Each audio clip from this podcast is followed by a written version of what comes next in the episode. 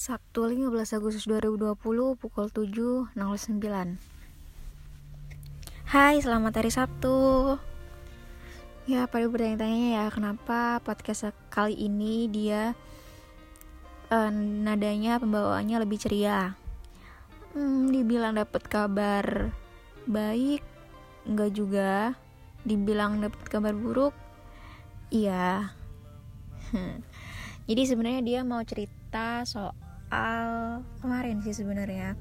Harusnya dia rekaman ini tadi malam cuman karena keadaan nggak memungkinkan jadi oke lah dia cerita hari ini aja pagi ini. Jadi kemarin dia uh, nemuin psikiater buat baca hasil psikotes tanggal 5 Agustus 2020 kemarin. Jadi 10 hari yang lalu memang dia sempat psikotes lagi ya psikotes kedua setelah psikotes pertama November 2019 kemarin. Jadi dari hasil psikotesnya um, psikiater dia bilang dokter Ila bilang kalau ternyata di awal pembicaraan ya dokter Ila bilang kalau hasil psikotesnya tidak jauh berbeda dengan yang kemarin jadi tidak ada perubahan. Malah pada beberapa poin ada yang menurun. Kayak gitu. Ya yang nilai angkanya itu menurun gitu. Dan dia nggak bisa sebutin apa itu apa kekurangannya karena tuh menurut dia lebih privasi ya. Cuman sih kabar baiknya um, dia punya kelebihan juga. Jadi uh, kemarin tuh dicek juga kan soal IQ dan IQ-nya dia di atas rata-rata. Nah itu yang jadi poin penting dari psikiater dia, dia yang dibilangin ke dia uh, aku punya beberapa kekurangan ya.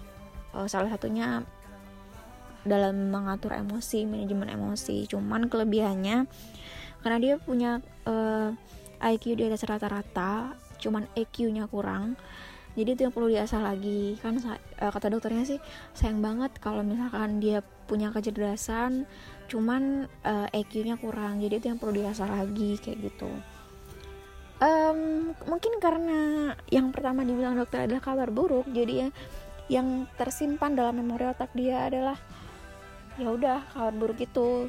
Dia punya kekurangan itu bahwa dia masih apa ya masih perlu lagi belajar soal manajemen emosi kayak gitulah. Cuman dari perjalanan pulang uh, ketika berjalan pulang dari RSJ menuju rumah itu kayak yang masih denial gitu ya nggak terima. Ya sebenarnya tahu sih kalau hasil psikotesnya ini bakalan mungkin sama aja cuman kayak masih denial kalau ternyata di poin itu dia yang kurang kayak gitu kan. Ya akhirnya pas waktu pulang ke rumah sekitar jam setengah satu dia langsung kirimin hasil psikotes dia ke psikolog via email ke psikolog Farida. Uh, terus apa ya dia tuh kalau denial pasti tidur gitu kan. Jadi tidur jam setengah satu. Maunya uh, di email itu dia juga cerita ke psikolog Farida kalau kayaknya dia belum uh, apa ya belum siap deh buat ketemu psikolog Farida. Padahal udah ngejadwalin jam 3 kemarin gitu kan. Eh ternyata jam setengah tiga dia bangun bangun dari tidur siangnya itu dan langsung berubah pikiran. Jadi kayak ah kayaknya aku perlu deh nemuin psikolog Farida gitu. Ya via video call karena psikolog Farida ada, ada di Jaksel gitu kan sedangkan dia ada di Surabaya. Terus uh, ya udah akhirnya video call dengan Kak Farida dan Kak Farida udah baca hasil tes dia. Poin penting dari hasil konsultasi kemarin adalah um, Kak Farida tetap bangga dengan dia. Kenapa? Karena dia masih menunjukkan progres. Apa itu progresnya? Meskipun kecil progresnya itu mungkin terlihatnya kecil cuman dari menurut Kak Farida itu suatu perubahan yang besar. Yaitu uh, dia sudah bisa berkomunikasi dengan baik sama ibu sudah bisa menjalin hubungan yang sangat baik dengan ibu itu suatu progres yang luar biasa menurut Kak Farida.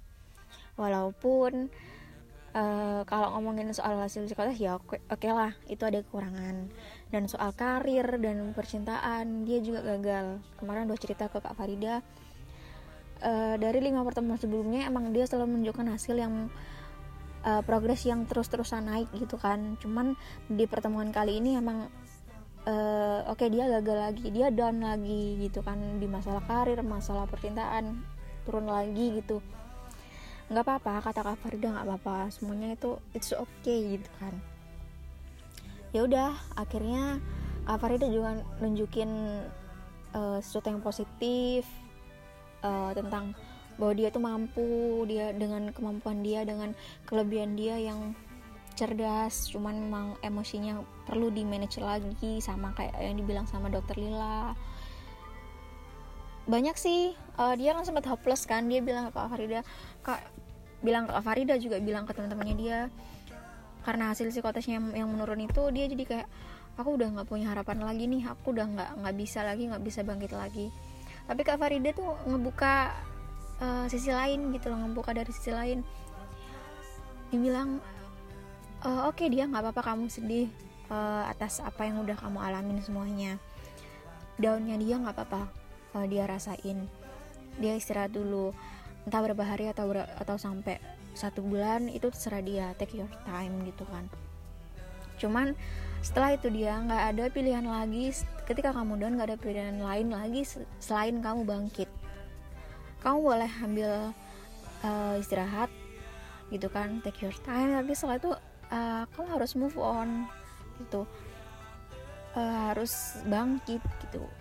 Nggak usah kamu cari-cari apa ya tujuan hidup yang ke depan yang lebih jauh. Mungkin karena kemarin dia mau bangkit ketika down setelah dipecat itu bangkitnya untuk biar dia bisa sembuh biar dia bisa nunjukin ke orang-orang kalau dia tuh bisa dengan keadaan yang seperti ini dia bisa. Terus dia juga punya keyakinan bahwa dia bisa berhasil juga dalam hal karir maupun dalam hal percintaan. Tapi nyatanya zong kayak gitu kan Kak Farida bikin sesuatu yang simpel gitu loh.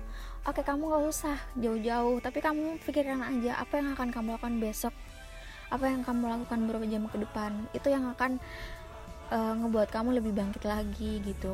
Jadi nggak usah jauh-jauh ke depan. Kalau kamu bingung uh, kamu hilang harapan hilang tujuan ke depannya kamu mau seperti apa nggak usah jauh-jauh ke depan yang masa depan bagaimana. Karena kita nggak tahu nggak pernah tahu masa depan. Kamu cukup jalanin aja cukup kamu planning besok kamu mau ngapain? Gitu dari kak Farida. Itu yang buat aku yang oh iya ya kenapa nggak pernah terpikirkan besok mau ngapain itu gitu. Dan malamnya aku juga sempet ngedenger, uh, nonton IG live dari Mas Aji Santo Saputra dan Mbak Analisa Widyaningrum uh, tentang trauma. Di situ dia juga belajar banyak.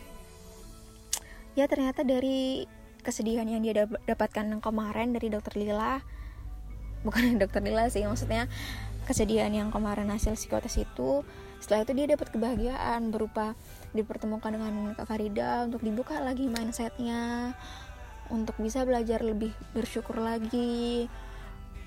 Ya banyak hal positif yang dia dapatkan dengan Kak Farida kemudian hal-hal positif juga dari Mas Aji dari IG live nya Mas Aji dan Mbak Analisa gitu kan membuat dia lebih buka dan banyak bersyukur sih kayak gitu. Mungkin dia akan lebih banyak ya semoga sih ya semoga uh, ini nggak cuman bertahan sehari dua hari. Karena biasanya sih kalau udah cerita sama Kak Farida semuanya jadi plong emang semuanya jadi plong dan itu bertahannya. Tapi ya cuman seminggu dua minggu setelah itu ya kayak capek sendiri kayak gitu kan kayak uh, overthinkingnya balik lagi nggak bisa bertahan selamanya. Cuman dia udah aware udah udah sebenarnya udah sadar sih semuanya itu dia rasain. Tinggal bagaimana dia itu mempertahankan untuk komitmen uh, bangkit uh, down mungkin udah biasa semuanya nggak akan terus naik semuanya nggak akan turun. Ya pokoknya dia pengennya sih semua ini semoga ada apa ya ada progres yang lebih maju lagi. Eh, nggak uh, perlu dia harus tergesa-gesa melihat orang lain membuktikan ke orang lain kalau dia bisa nggak perlu tergesa-gesa untuk dia bikin perubahan tapi yang penting dia sudah bisa uh, bangkit lagi. Doain ya teman-teman ya. Semoga dia terus bangkit dan gak terlalu lama terlarut dengan kesedihan. Oke okay? terima kasih udah dengerin dan semoga hari kalian menyenangkan. Dadah